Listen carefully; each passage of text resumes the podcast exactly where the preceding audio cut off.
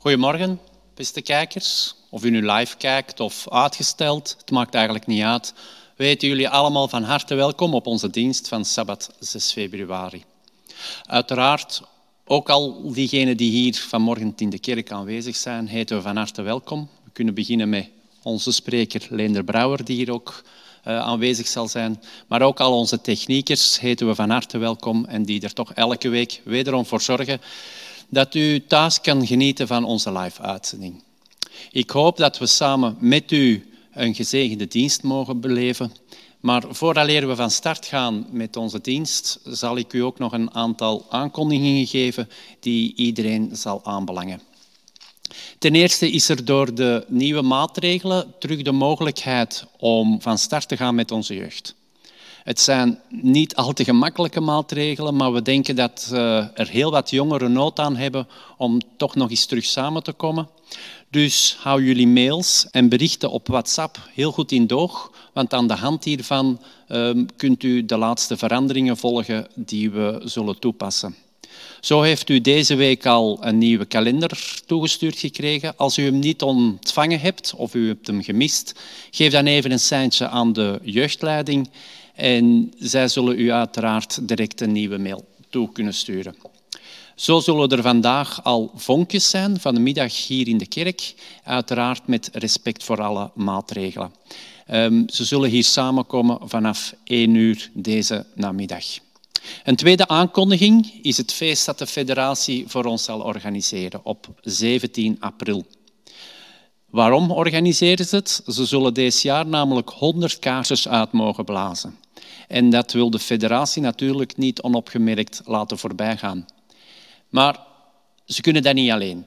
Ze hebben namelijk daar massaal onze hulp voor nodig. Zowel van mij als van jullie thuis allemaal. Ze zijn namelijk op zoek naar alle mogelijke documentatie die bijgedragen heeft bij die 100-jarig bestaan van de federatie. Dat kan zijn foto's van uw eigen kerkgebouw, van evenementen die hebben plaatsgevonden, verhalen over de geschiedenis van de federatie of geschiedenis van uw eigen kerk, evangelisatieacties, feesten die er zijn geweest. Er is zoveel mogelijkheden. Tevens willen ze ook nog een hele grote virtuele poster maken. Ik hoor u al denken, virtueel. Ze willen dus in principe een digitale foto maken van allerlei foto's van de mensen van leden, van bezoekers, belangstellenden, jeugd, iedereen die enigszins iets met de kerk te maken heeft. Dus we zouden u willen vragen om zoveel mogelijk een pasfoto eigenlijk van uzelf te maken. Eh, dat kan een selfie zijn, dat kan iemand anders zijn die die voor u trekt en die ook door te sturen naar de federatie. Al deze documentatie, al die foto's, al die verhalen, die zou u kunnen doorspelen naar info.adventist.nl dat komt nu hier onderaan het scherm. Hier staat het onderaan in het scherm, ziet u het staan. info.adventist.be. En als het te veel is of u hebt geen e-mail, geen probleem, dan kunt u die ook met de post sturen naar Ernest Laarstraat 11 tot 13 1000 Brussel. En uw mail of ook op de envelop kun je altijd eh, de vermelding geven 100 jaar. En dan weet de federatie waarover het juist gaat. Dus u merkt het, Iedereen kan meehelpen om op 17 april een mooi en tof digitaal feest te maken. Want uiteraard zal dat nog met een aantal maatregelen zijn die er op die moment geldig zijn. Daarbij komt het dat die Sabbat zelf er geen live dienst zal zijn eh, hier in deze kerk. Omdat we uiteraard uh, allen samen naar de live-dienst van onze federatie zullen kijken, zullen wij op die week hier in Antwerpen geen dienst uitzenden. Hou daar rekening mee. Dus 17 april. Hoe die live-dienst van de federatie er juist zal uitzien, hoe u dat kan bekijken, dat zult u allemaal later te weten komen uh, in een later stadium. Zo, ik ben door al mijn aankondigingen heen en wil deze dienst dan ook openen met het woord van God. Dat gaan we lezen in Psalm 89, de versen 12 tot 19. Van u is de hemel, van u ook de aarde. De wereld met alles wat er leeft, hebt u gegrond. Het noorden, het zuiden, u hebt ze geschapen. Tabor en Hermon bejubelen uw naam. Uw arm verricht heldendaden. Krachtig is uw hand, geheven uw rechterarm. Uw troon rust op recht en gerechtigheid. Liefde en waarheid staan in uw dienst. Gelukkig het volk dat van uw roem getuigt. En leeft, Heer, in het licht van uw gelaat. Juichend roepen zij uw naam, dag aan dag. Door uw gerechtigheid richten ze zich op. U bent de glans van onze kracht. Door uw gunst verhoogt u ons aanzien. Aan de Heer danken wij ons schild. Aan de Heilige van Israël, onze koning. Amen. Laat ons nu samen de Heer zoeken in gebed. Onze Vader in de hemel, Heer, we zijn weer blij dat het Sabbat is. Een dag om even tot rust te komen, een dag om U te loven en te aanbidden, een dag om echt te koesteren, Heer. Een dag waar we even kunnen bezinnen en ons wederom kunnen opladen voor de week die komt. Daarom, Heer, willen we U vragen om deze morgen hier in ons midden te vertoeven, ook al zitten we allemaal ver uit elkaar.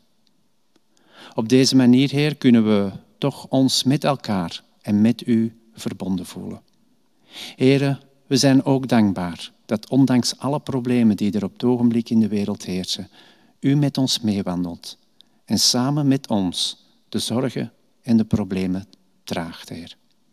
Heer, we zijn ook dankbaar voor deze Sabbatdag en uw woord dat u deze morgen tot ons zal richten. Laten de woorden van Leendert ons mogen raken en ons kracht mogen geven voor deze week, zodat we weer met volle moed en volle kracht van start kunnen gaan. Laat ons deze woorden ook uitdragen naar alle mensen rondom ons, zowel bij de familie, zowel bij kennissen, buren, collega's of zoveel andere, Heer. Wil u ook bij een ieder zijn die onze dienst vandaag niet kan volgen, omwille van ouderdom, omwille van ziekte, of gewoon niet de mogelijkheid hebben om te volgen, Heer. Wil hen laten weten dat we aan hen denken en hen niet zullen lossen, Heer. Heer, vanmiddag komen de vonken na een lange periode wederom samen. We willen hen een fijne en aangename tijd geven, zodat ze weer even die problemen die er elke dag heersen, dat ze die even mogen vergeten en even met elkaar en u een toffe tijd mogen beleven. Heer, dat alles vragen wij en danken wij u in de naam van Jezus. Amen.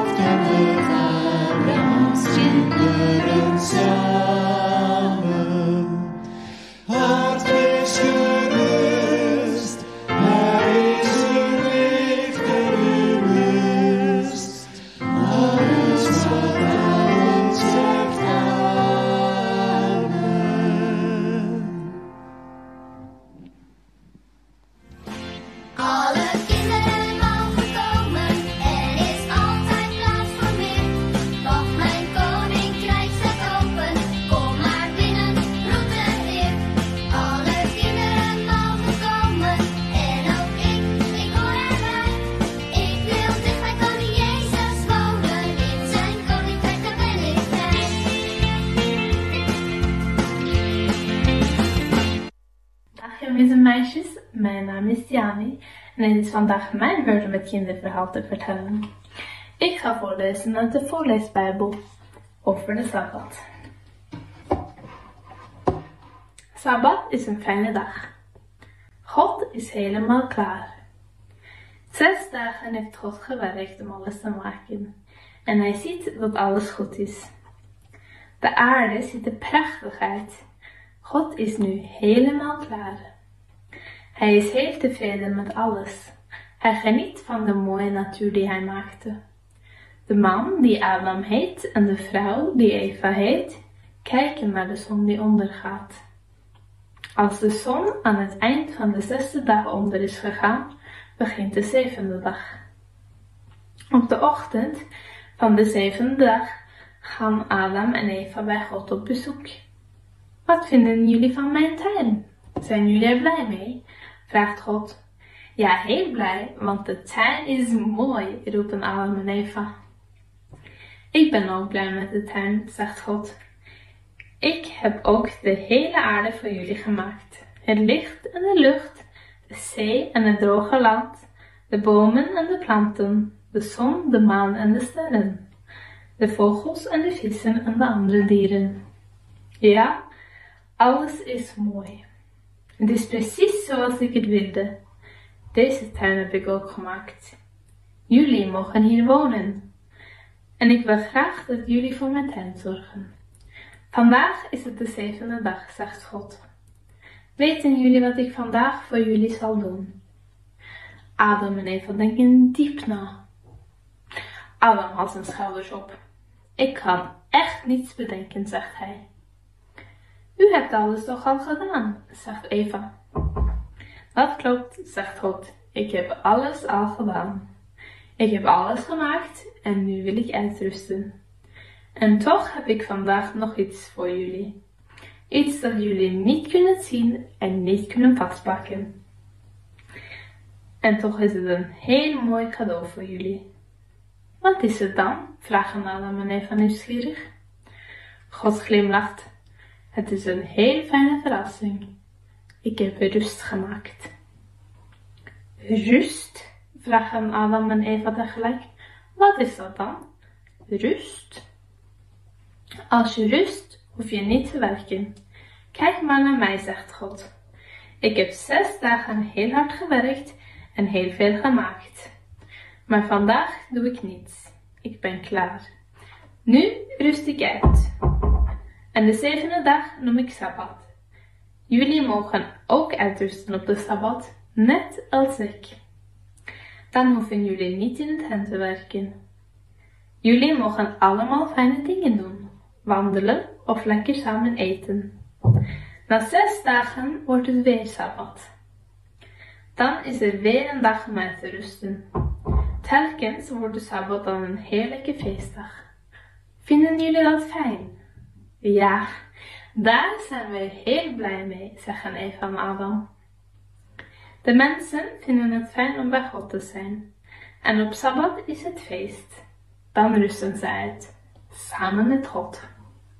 Zes dagen werken is genoeg, zegt God. De man en de vrouw wonen in de tuin van God. Ze zorgen voor de planten en de dieren. God vertelt hun over alles wat er groeit. Hij wijst de lekkere vruchten aan. Kijk, deze vrucht is heel lekker. Proef maar. Adam en Eva eten van de vrucht. En daarna eten ze nog meer vruchten. De ene vrucht smaakt nog lekkerder dan de andere. Jullie mogen de vruchten van bijna alle bomen eten, zegt God. Maar nu zal ik jullie twee bijzondere bomen laten zien. Kom maar mee. Ik zal jullie iets over die bomen vertellen. De man en de vrouw zijn heel benieuwd. Wat zal God over die bomen vertellen? Dat zullen jullie een andere keer uitvinden. Bedankt voor het luisteren. Soms lig ik in bed naar de sterren te turen. Ik zou willen weten hoeveel het er zijn. Ze allemaal hetzelfde, hoe lang zal dat duren? Misschien al zo lang als de rest van mijn leven. Misschien nog wel langer. Hoe lang zal dat zijn? Ik voel me opeens ongelooflijk klein. Een uur op de klok duurt nog maar even. Een jaar wordt een dag. Wordt een halve seconde. Mijn kamer en ik worden steeds kleiner dan klein. Steeds kleiner totdat ik tenslotte verdwijn. En nooit meer door iemand gevonden wordt. Wie ben ik? Waar was ik? Waar ben ik gebleven? Is dit nu de hemel? Hoe zal het daar zijn? Dan hoor ik mijn moeder zelfs laten gordijn en kom me voorzichtig een nachtzoontje geven.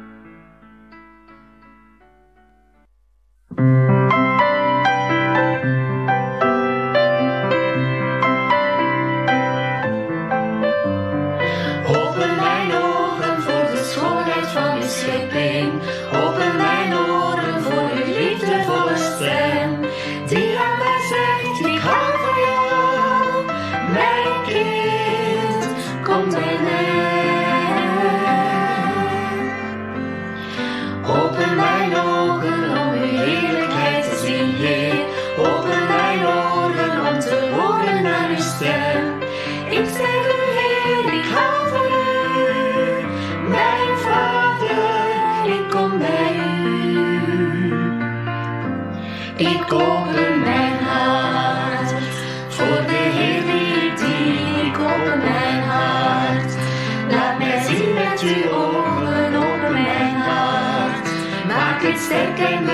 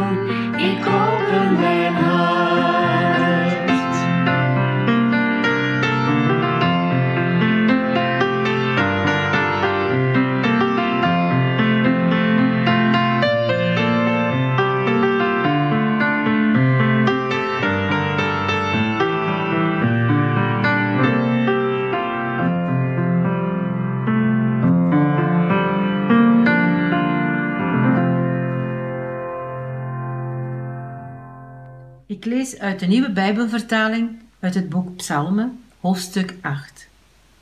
Voor de koorleider op de wijs van de Gathitische, een psalm van David. Heer, onze Heer, hoe machtig is uw naam op heel de aarde. U die aan de hemel uw luister toont, met de stemmen van kinderen en zuigelingen, bouwt u een macht op tegen uw vijanden om hun wraak en verzet te breken.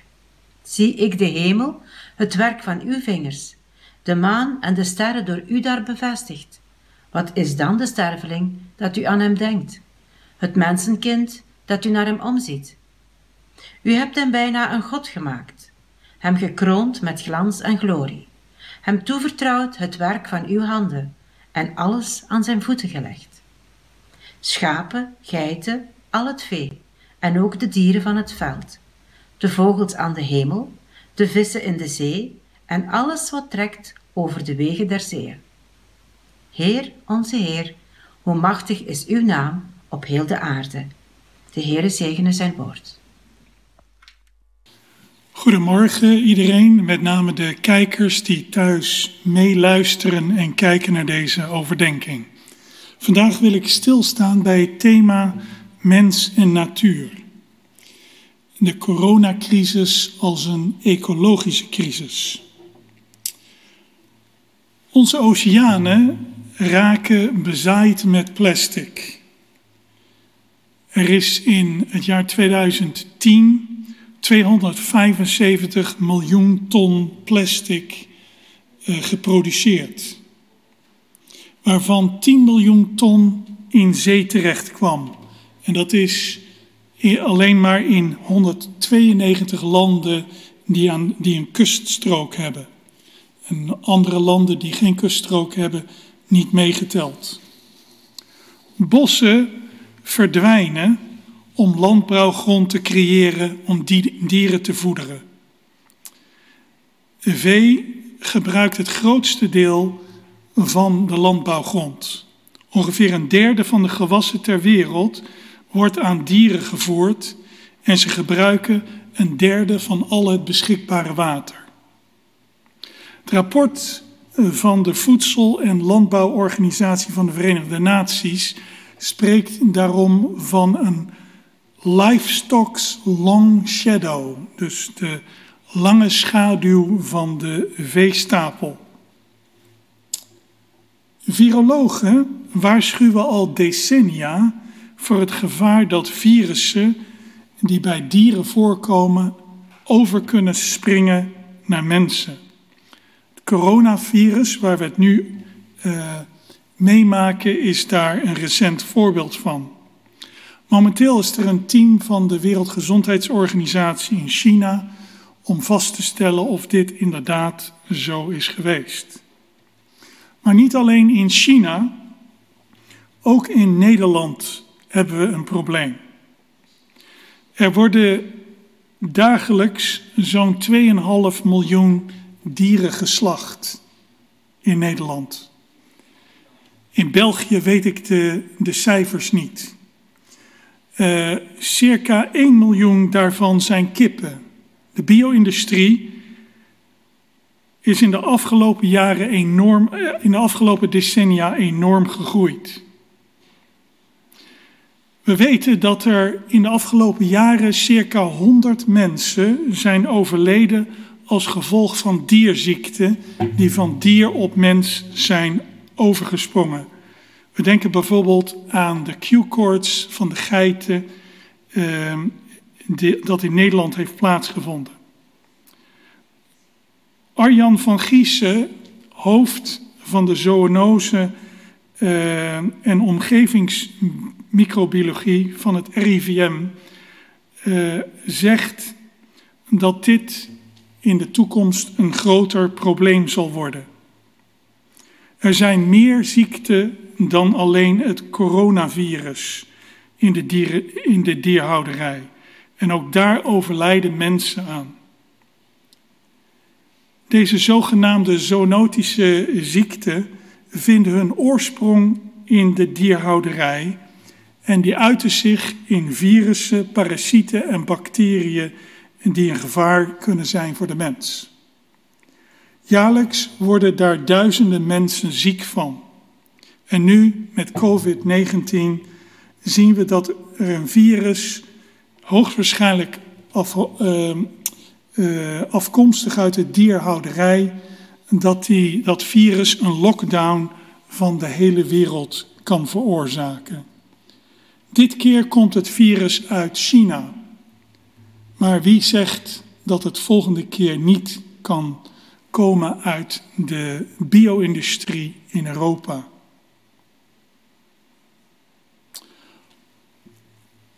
Er is een gezegde in het Nederlands: als het kalf verdronken is, dempt men de put. Dan wil ik vandaag de nadruk op leggen op het belang van preventie. En niet zozeer om te kijken hoe we een probleem kunnen verhelpen. En het herzien uh, en het, uh, de preventie, denk ik dat die met name kan liggen in het herzien van een visie hoe wij met dieren omgaan. En een bijbelse visie kan ons daarbij helpen. Als Adventisten geloven we dat de wereld door God is geschapen. Maar maakt dit geloof in de praktijk ook iets uit? We weten immers dat Jacobus in het tweede hoofdstuk zegt dat geloof zonder de werken dood is. Dit betekent dat als wij zeggen dat we geloven in God als schepper, dat we ook moeten kijken van hoe dit geloof in de praktijk gebracht kan worden. Hoe kunnen we iets doen met dit geloof? Laten we ons vandaag beperken tot het Bijbelse beeld van hoe je omgaat met een dier. Ook al wordt het Bijbels scheppingsverhaal nauwelijks serieus genomen door mensen in deze tijd, toch denk ik dat het van belang kan zijn in, als een oplossing voor de huidige ecologische crisis. In de jaren 60 heeft een bekend wetenschapshistoricus Lynn White een artikel geschreven over de, de historische wortels van onze ecologische crisis. Het was toen al uh, in de jaren 60 van de vorige eeuw blijkbaar een issue. In dat artikel um, voert hij aan dat het christendom, hij is daar niet zo, um, uh, zo vriendelijk over, het christendom, zegt hij, is de meest antropocentrische religie uh, van alle religies. Dat betekent dat het christendom de mens en de mens alleen centraal stelt. En dat vergeleken bij uh, natuurgodsdiensten en Aziatische godsdiensten, waar de mens juist meer onderdeel is van de natuur. Hij zegt ook dat het christendom een dualisme uh, voorstelt. Een dualisme tussen uh, mens en natuur. Voorts wordt de mens voorgesteld als een wezen dat superieur is aan de rest van de natuur. Hij moet heersen over die natuur. En ook dat keurt Lynn White af. En vervolgens zegt hij dat wetenschap en de technologie die we momenteel hebben, in feite zijn voortgekomen vanuit een christelijke visie om te heersen over de natuur. En de natuur is in die visie slechts een instrument in de handen eh, van de mens. Ik wil vanochtend een vraagteken stellen bij deze uh, uitleg van Lynn White. Hij richt zich met name op Genesis 1, vers 26, waar, hij, waar de, uh, de tekst zegt: Laten we de mens, de mens naar ons beeld maken, naar onze gelijkenis. En laat ze heersen over de vissen van de zee, etc. En dan in vers 28 leest Lynn White: Wees vruchtbaar en word talrijk en vul de aarde en onderwerp haar. En heb heerschappij over de vissen van de zee, over de vogels in de lucht en over al het levende dat op aarde beweegt. We zien in deze tekst een woorden als heersen en heerschappij. In vers 22 en 28 uh, zie, uh, zien we echter een ander uh, aspect wat denk ik belangrijk is voor een nuancering van het geheel. In vers 22 en 28 zien we een zegen die uitgesproken wordt over de dieren en over de mens. En die vrijwel identiek is. Die begint met wees vruchtbaar en vermenigvuldig u. Dat toont aan dat dier en mens niet tegenover elkaar staan, maar juist met elkaar, samen met elkaar onder de zegening van God. Ook de term beeld van God in het, het uh, Genesis-verhaal wordt niet zozeer voorgesteld als iemand die heerst, maar als iemand die God vertegenwoordigt. Gods heerschappij over de natuur wordt waargenomen door de mens. Weliswaar is het woord dat gebruikt wordt voor heerschappij hebben, eh, dat dat ook te, eh, gebruikt wordt voor het heerschappij hebben eh, van een koning of van een meester over zijn slaaf. Of het wordt zelfs gebruikt voor het trappen in een wijnpers. En het woord onderwerpen, dat ook in deze tekst gebruikt wordt, wordt nogal eens gebruikt voor militaire onderwerping.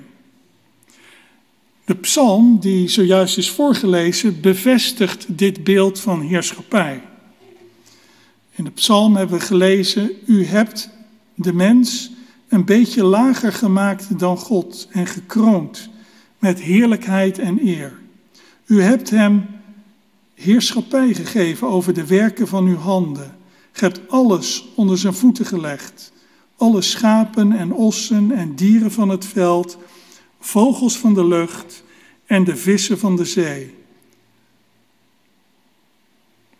De heerschappij en de kroning van de mens met glorie en eer stelt de mens voor als een soort koninklijk figuur.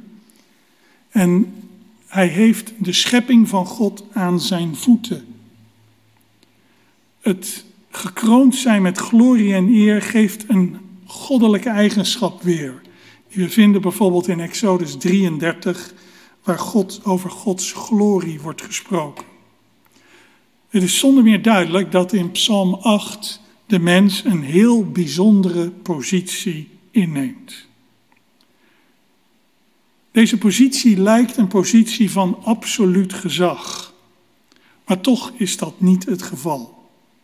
Want er is één cruciaal ding in de tekst van Genesis 1 dat een dergelijke interpretatie weerlegt. Namelijk, de mens eet geen vlees. Genesis 1 is daar expliciet over, dat de mens in het begin een vegetariër was. Net als de dieren overigens.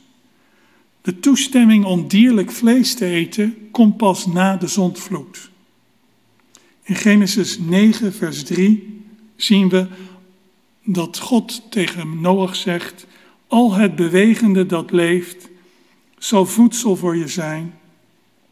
Ik geef je ze allemaal, zoals ik ooit alle groene planten heb gegeven. En hier zie je dat God terugwijst naar de schepping. Hij zegt, zoals ik ooit de groene planten heb gegeven om te eten voor de mens, geef ik nu alle dieren. In Genesis 1 en in Genesis 9 zien we uh, de uitdrukking wees vruchtbaar en vermenigvuldig u en vul de aarde. Maar Genesis 9 voegt toe, de vrees voor u zal rusten op elk dier van de aarde en op elke vogel in de lucht, op alles wat op de grond kruipt en op alle vissen van de zee die in uw hand zijn geleverd. Kunnen hieruit zien dat in het scheppingsverhaal en ook in uh, Genesis 9 dat uh, uitbuiting van de natuur, van het dier, niet gegeven is bij de schepping en zeker ook niet aangemoedigd wordt. Dat zien we ook in een tekst als Jesaja 11, waar gesproken wordt, waar de profeet spreekt over een toekomst waarin de schepping weer hersteld zal worden en waar de wolf zal leven met het lam. Voorts zien we in de Bijbel maatregelen die God heeft genomen om uitbuiting van de natuur, van de mens te voorkomen. Dat zien we onder andere in het verbod met Noach, in het verbond met Noach, het verbod op bloed, in de Sabbat, het Sabbatsjaar en het jubeljaar.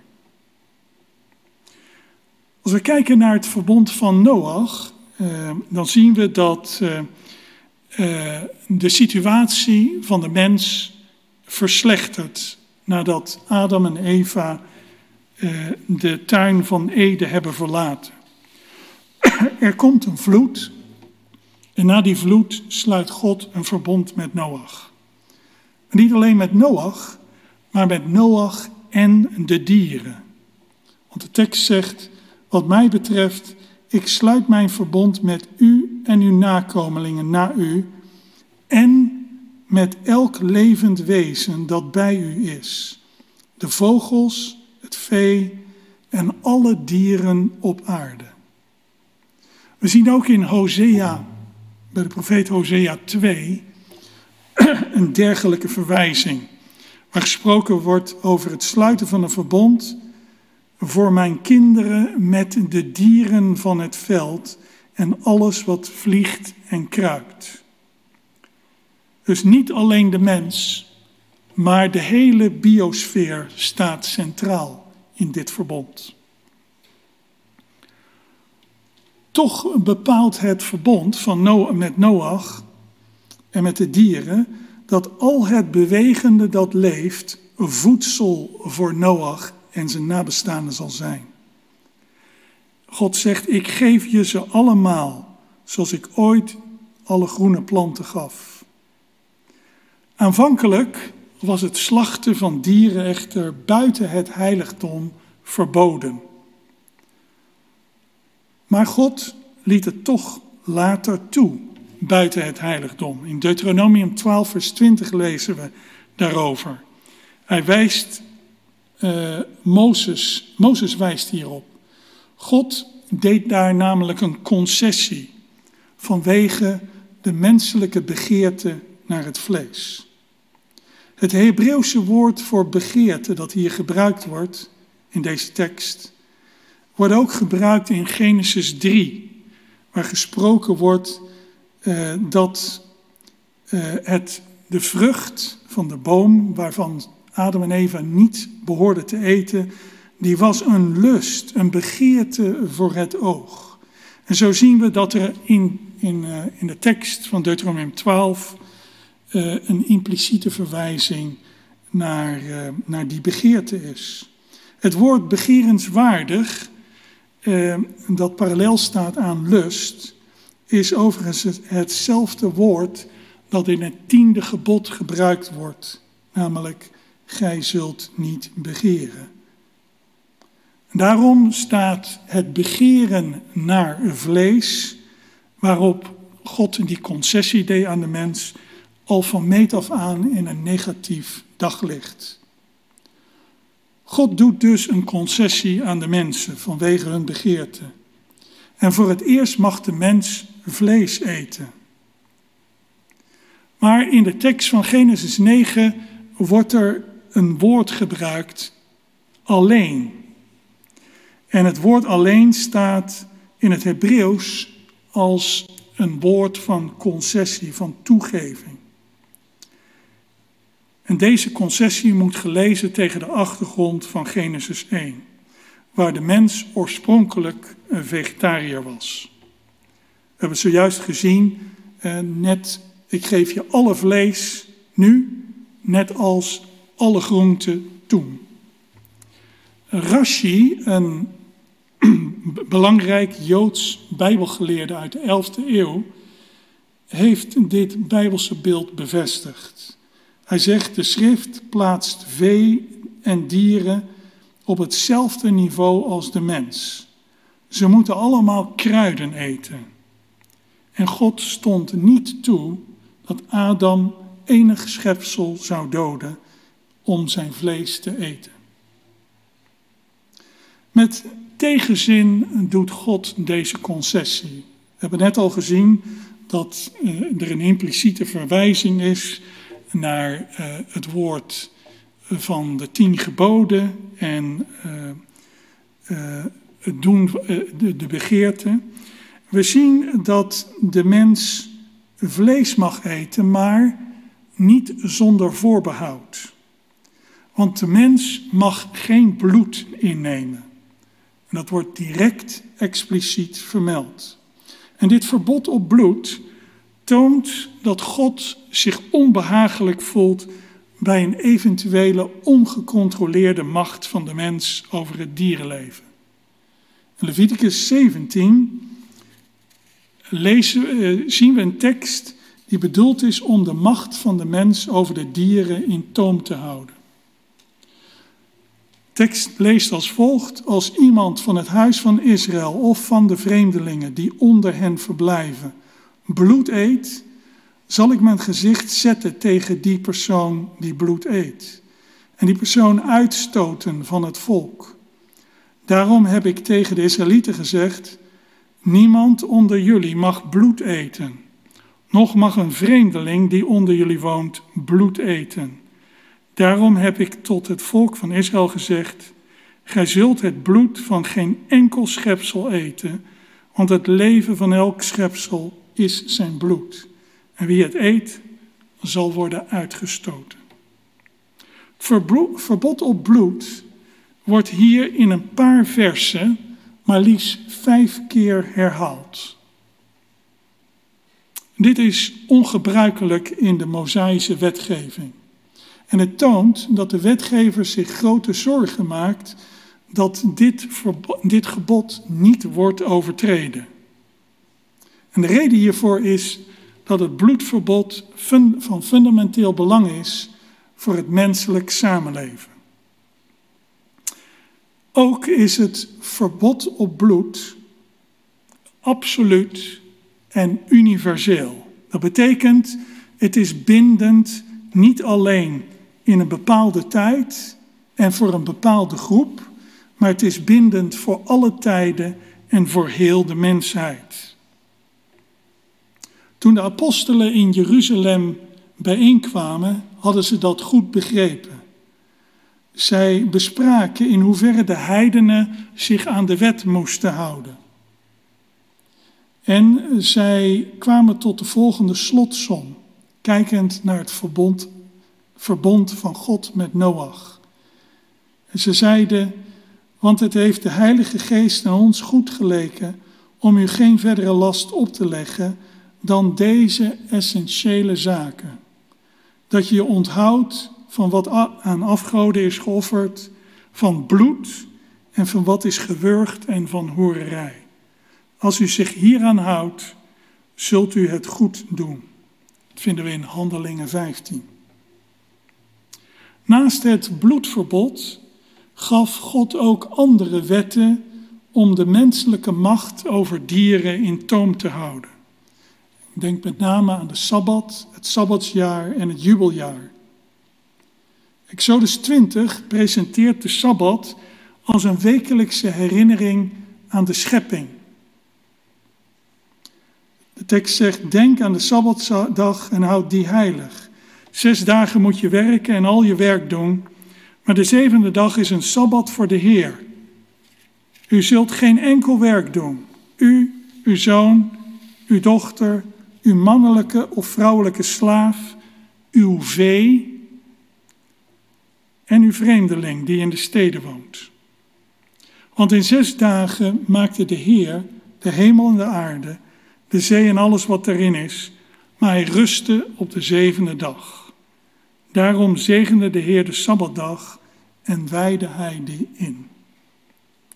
Dus blijkbaar mogen mensen, slaven, het volk, het volk Israël, ook de slaven die in dienst waren bij de mensen en dieren, die alle moesten rusten op de Sabbat. Het Sabbatsjaar en het jubeljaar hadden een soortgelijke bedoeling. We zien dus derhalve dat God een verbond sluit met Noach en ook wetten geeft waarin de mens, de medemens en dieren samen kunnen leven in harmonie, zonder dat de een de ander uitbuit. Enige tijd geleden hadden mijn vrouw en ik het voorrecht om een broeder eh, te, eh, te, te spreken die opgegroeid was in uh, de koloniale tijd in Afrika. En hij memoreerde een verhaal over een leeuw, Kit. Het was op een dag dat hij eh, aan het wandelen was met zijn vader eh, in het bos. En een, niet een bos zoals we hier, maar een bos met wilde dieren. En ehm, hij zag op een gegeven moment twee welpjes, leeuwenwelpjes. En zijn vader wist direct dat die uh, weeswelpjes waren. Dat de ouders waarschijnlijk vermoedelijk uh, geschoten waren. Die hebben ze meegenomen naar huis en te eten gegeven. Het mannetje is helaas vrij snel overleden, maar het vrouwtje dat kon opgroeien tot een volwassen leeuwin. En Ron, die uh, uh, vaak uh, de, de leeuwin Kit te eten gaf en met haar speelde, vertelde ons dat hij s'avonds op de veranda, dat was zeg maar op een heuvel en dan keek je uit over de rivier, dan ging hij, ging hij op, de, op de veranda slapen en dan legde hij zijn hoofd op de poot eh, van Kit. En dat was zeg maar een kussen voor zijn, uh, voor zijn hoofd. En dan viel hij in slaap met de lewin uh, die, die daar ook lag te rusten. En zo heeft hij goede herinneringen aan een dier wat heel teder en heel zorgzaam was voor hem als jonge knaap. En hij vertelde dat op een gegeven moment die, dat Kit zo groot was geworden dat het meer en meer een probleem werd in het huis. En op een dag kwam er een hoge ambtenaar vanuit Londen uh, de rivier op met een uh, stoomboot of met wat voor boot het ook was. En uh, die zou om zou in de middag aankomen, maar was vervroegd en kwam in de ochtend aan. Geheel onverwachts. En raad dus wie hem begroette op, uh, bij zijn aankomst. Terwijl hij was nog maar net op het dok gestapt en onderweg naar het huis. En toen kwam Kit, de lewin, eraan. En hij dacht, dit is mijn laatste uurtje. En zette het op een rennen en heeft blijkbaar net nog op tijd het huis gehaald. Na dit gebeuren heeft de vader gezegd: Nu is het afgelopen, nu brengen we Kit weg. Dit kan niet meer. En ze hebben Kit heel ver weggebracht met een vliegtuigje. Honderden mijlen, honderden kilometers verderop. En nadien was Kit alleen maar een herinnering in de familie. Totdat na een jaar opeens de zus van Ron meende het gestalte te zien van Kit aan de horizon. Ze rende samen met Ron erop af. En ja hoor, Kit was teruggekomen. En ze had allemaal leeuwenwelpjes bij zich. Maar behalve die welpjes had ze ook de vader van die kindjes meegenomen. Een grote uh, leeuw met manen. Die op het zien van Ron en zijn zus direct op hen afkwam om hen wat te doen. Maar het was werkelijk adembenemend om te horen dat Kit, de mannetjesleeuw, aanviel met een felheid die ongekend was. En hij droop af. En zo kwam Kit eigenlijk na een jaar tijd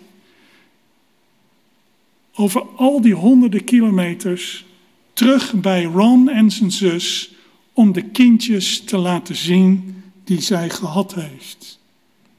Toen dat eenmaal gebeurd was, is Kit vertrokken en hebben ze haar nooit meer teruggezien. Dit is een voorbeeld van hoe dieren wel degelijk gevoel hebben en begrip hebben voor de mens. Ellen White, die destijds om gezondheidsredenen vegetariër was geworden, vertelt over een bezoek dat zij had in Australië. Ze gaf daar lezingen over eh, het belang van matigheid in het leven van een christen. En tijdens een van de lezingen kwam er een vrouw naar voren die zich aan haar voeten, die, die, die zich knielde aan haar voeten. En zij pleitte om mededogen met de lijdende dieren. Het heeft zo'n indruk op Ellen White gemaakt dat toen zij in Amerika terugkwam, heeft ze er direct voor gezorgd dat er geen vlees meer op, haar, op tafel in haar huis werd opgediend. En elf jaar na het bezoek aan Australië heeft ze het boek Ministry of Healing geschreven, waarin ze op diverse plaatsen gevoeligheid toont voor het lijden van de dieren. Ze schrijft bijvoorbeeld: Denk aan de vreedheid jegens dieren die het eten van vlees met zich meebrengt en de uitwerkingen ervan op degene die het toebrengen en degene die het aanschouwen. Hoe het de tederheid vernietigt waarmee wij schepselen van God zouden moeten beschouwen. En dan op een andere pagina zegt ze de intelligentie die door veel dieren wordt getoond, benadert de menselijke intelligentie zo dicht dat het mij een mysterie is. De dieren zien en horen, hebben lief, vrezen en lijden. Ze tonen sympathie en tederheid jegens hun metgezellen in het lijden. Veel dieren tonen genegenheid voor degene die hen onder hun hoede hebben. Zoals ik net heb verteld over Kit, die tederheid toonde ten aanzien van Ron en zijn zus. En die tederheid is groter dan de genegenheid die we vinden bij sommige mensen. Ze vormen banden met de mens die niet wordt verbroken, ook al moeten ze daarvoor lijden. Het is een verhaal van Otjem, dat is een husky dog uit, die, oorspronkelijk uit Siberië, maar die uh, uh, op verschillende reizen bij een, ehm, een eh, iemand die, die het noorden heeft afgereisd, zowel in Noord-Amerika als in, in Rusland. Otjem was dus een husky dog. En het was op een bepaald moment dat er een grizzlybeer uh, een, de kind van deze reiziger zou aanvallen en onmiddellijk zou doden. En hij vertelde dat Otjem bij die gelegenheid uh, dat kind heeft verdedigd ten koste van zijn eigen leven. Hij heeft er maar nauwelijks levend van afgebracht bij, met die het gevecht met die grizzlybeer. En daaruit zie je dat een hond, de trouw van een hond jegens de mens, zo groot is dat hij bereid is om zijn leven op het spel te zetten. Augustinus, in zijn boek De Stad Gods, spreekt over een ontmoeting tussen Alexander de Grote en een piraat piraat die hij gevangen had laten nemen. En in die ontmoeting vroeg Alexander hem wat hij nou eigenlijk van plan is met het terroriseren van de zeeën. En de piraat die antwoordde hem, wel, wat ben jij van plan met het veroveren van de hele aarde? Omdat ik het doe met één bootje, maar omdat jij het doet met een heel leger en met een hele vloot, word ik piraat genoemd met een klein bootje en jij een keizer. Zo zien we dat uitbuiting en verovering niet alleen een probleem is van individuen zoals de piraat, maar ook van koninkrijken. Machtsmisbruik is de mens gegeven. En met name in relatie tot het dier. En dat is een fundamenteel probleem in de bio-industrie vandaag de dag. Deze wet, die bio-industrie werd aanvankelijk geïntroduceerd in Europa en Noord-Amerika, maar is nu over de hele wereld te zien. En we weten vandaag de dag ook meer van wat er nou eigenlijk gebeurt in deze branche. Het gaat niet zozeer om incidenteel geweld, maar om systematisch misbruik van de dieren. Met verborgen camera's kom je meer en meer te weten wat er hier gebeurd is. Vrijwilligers van uh, een organisatie als bijvoorbeeld Mercy for Animals, die laten zien wat er gebeurt met mannelijke kuikens die geen eieren kunnen leggen.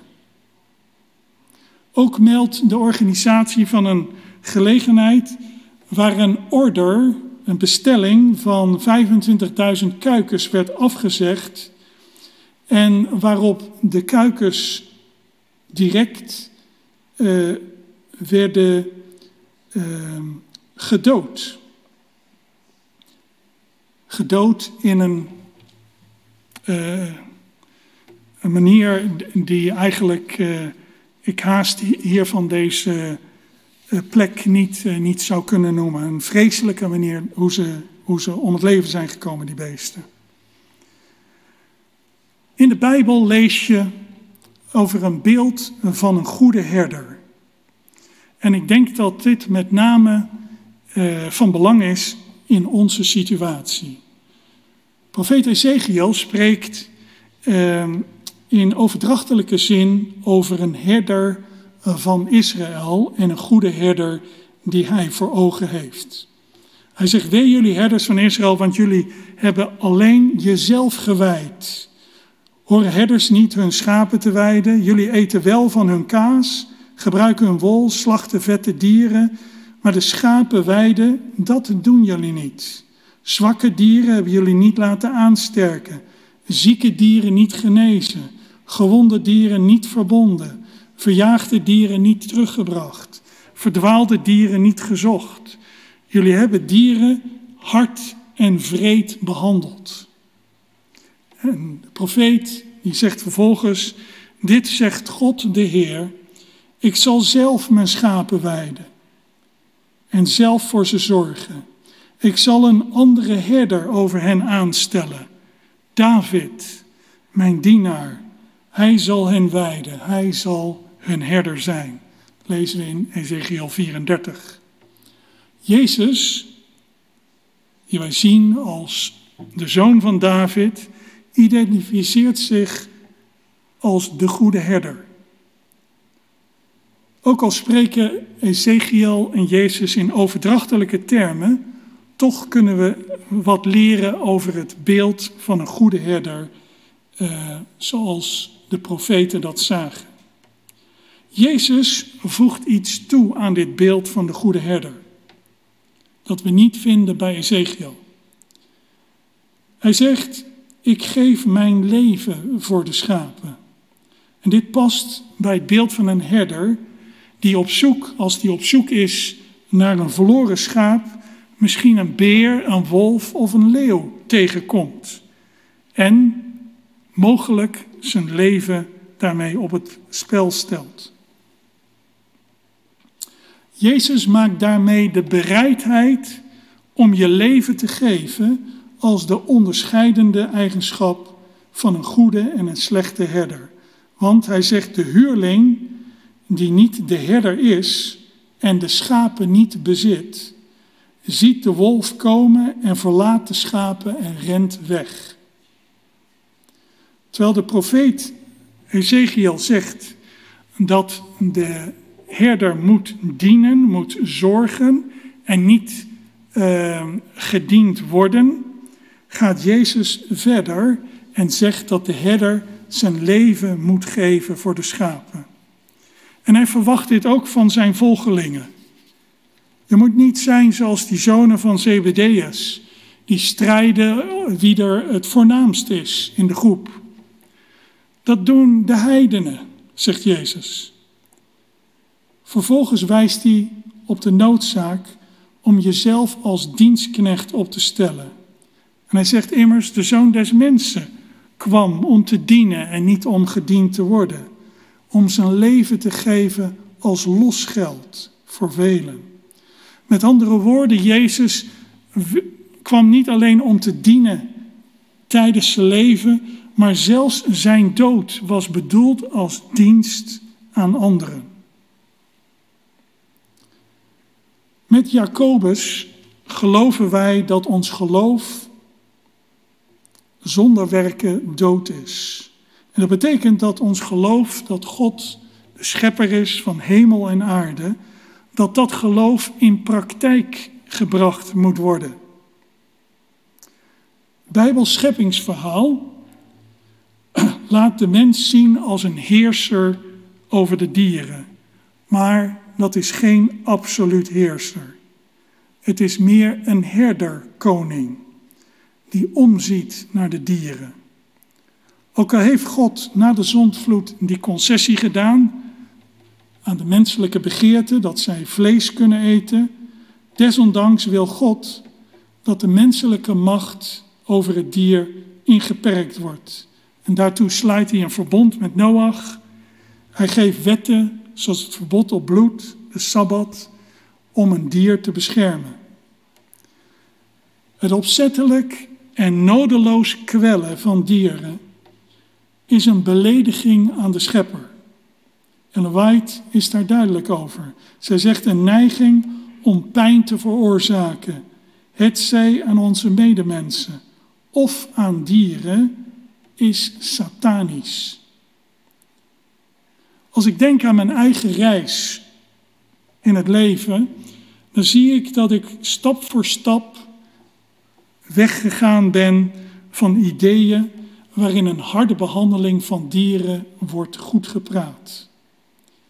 Dieren zijn Gods levende wezens, levende wezens. En dieren doen een appel aan onze moraal en geven ons een kans om respect te tonen voor het werk van Gods hand. Hoewel de meeste christenen vandaag zich tegenwoordig nauwelijks bekommeren om het bloedverbod van Leviticus 17, betekent dat nog niet dat het relevant is.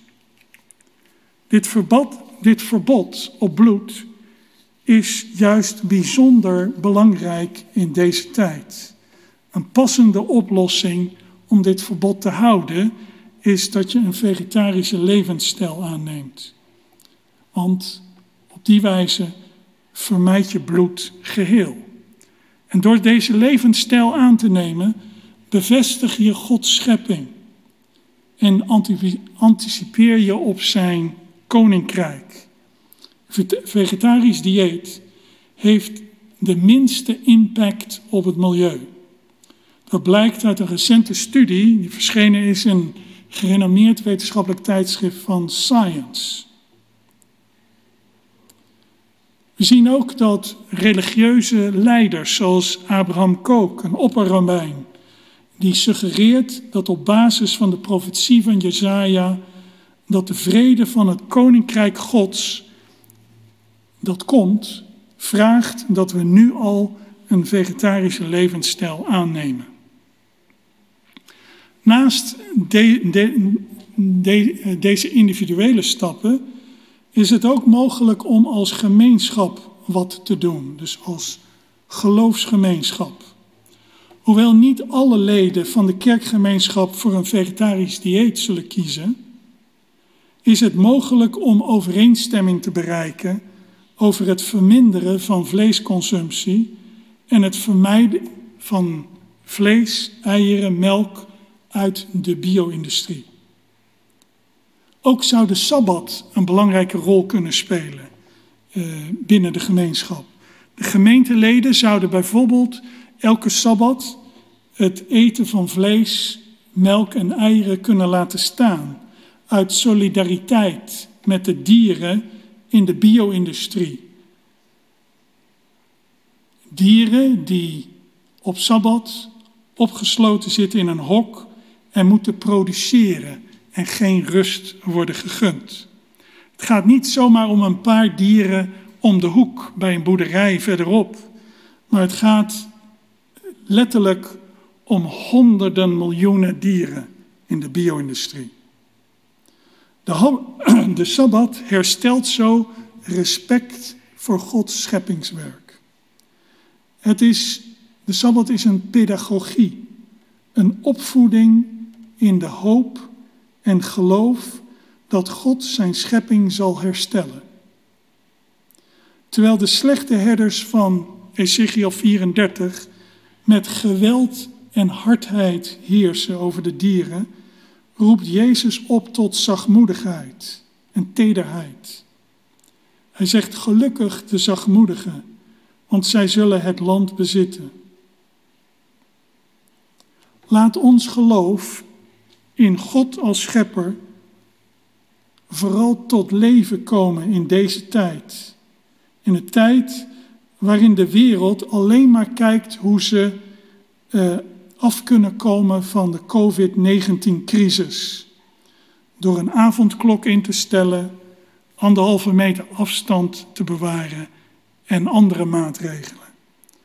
Deze maatregelen zijn uiteraard belangrijk om uh, de crisis te boven te komen. maar er is weinig tot, vrij, tot geen aandacht. Hoe kon deze pandemie kunnen worden voorkomen? Preventie is nodig. Zeker omdat de volgende pandemie zo weer voor de deur kan staan, volgens virologen. En niet per se uit China een pandemie. Maar zo'n pandemie kan zomaar ook vanuit Nederland, van onze eigen, sorry, vanuit Europa, vanuit, vanuit Europa van onze eigen bio-industrie voortkomen. Er moet een nieuwe kijk komen op de relatie tussen mens en dier. En het Bijbelse scheppingsverhaal en het vieren van de Sabbat kunnen ons als christenen daarbij helpen. Amen.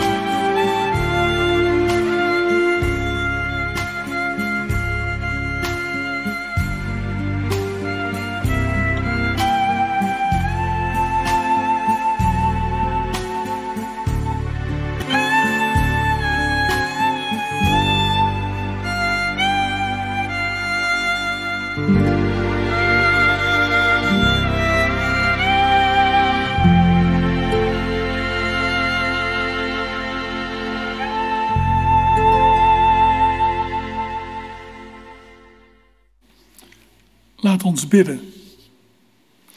Heer, we danken u dat we hier vanochtend samen konden komen, weliswaar via een digitale weg, rondom uw woord. We hebben gelezen over de mens, die in uw beeld geschapen is,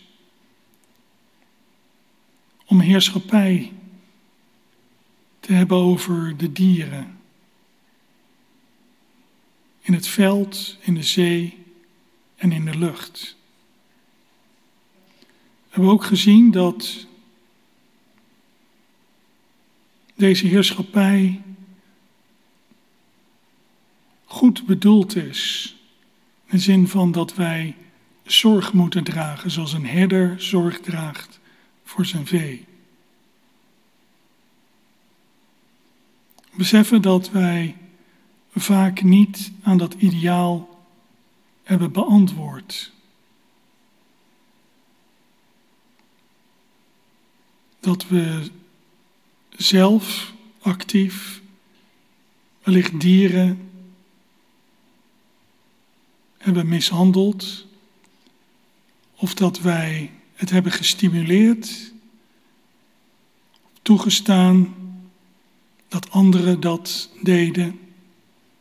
Ook al kunnen we die anderen niet altijd in beeld krijgen, en die de bio-industrie runnen.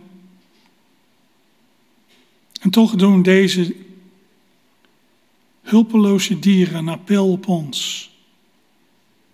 Dat wij het werk van uw handen, uw schepping, zullen respecteren en eerbiedigen. En dat wij uw wetten en het verbond met Noach zullen naleven. Zodat wij beseffen dat wij geen heer zijn over uw schepping, maar slechts u vertegenwoordigen. En dat we daarom zorg moeten dragen. In deze tijd is een bijzondere tijd omdat de relatie tussen mens en dier helemaal ontspoord is. En dat nu ziektes vanuit de dierenwereld overkomen op de mens. Een dierenwereld die we niet met rust gelaten hebben, maar waar we steeds meer op indringen en beheersbaar maken. Tot ons voordeel. En nu we met deze virussen, met, dit virus zitten, laat ons denken aan een nieuwe manier van omgaan met dieren. En mogen we geïnspireerd worden door uw woord, uit het scheppingsverhaal en van de profeet Ezekiel en het voorbeeld dat Jezus heeft gegeven van de goede herder.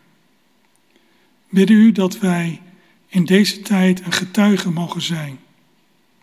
En dat de Sabbat een nieuwe betekenis zou kunnen krijgen voor ons. Een praktische betekenis. Waarmee we het lijden van de dieren, dat we daar solidair mee zijn. En dat we onder de aandacht brengen van de mensen waar we mee omgaan.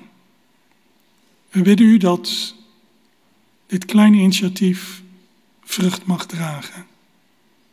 En dat zo uw schepping gerespecteerd zal worden. In Jezus' naam bidden we dit. Amen.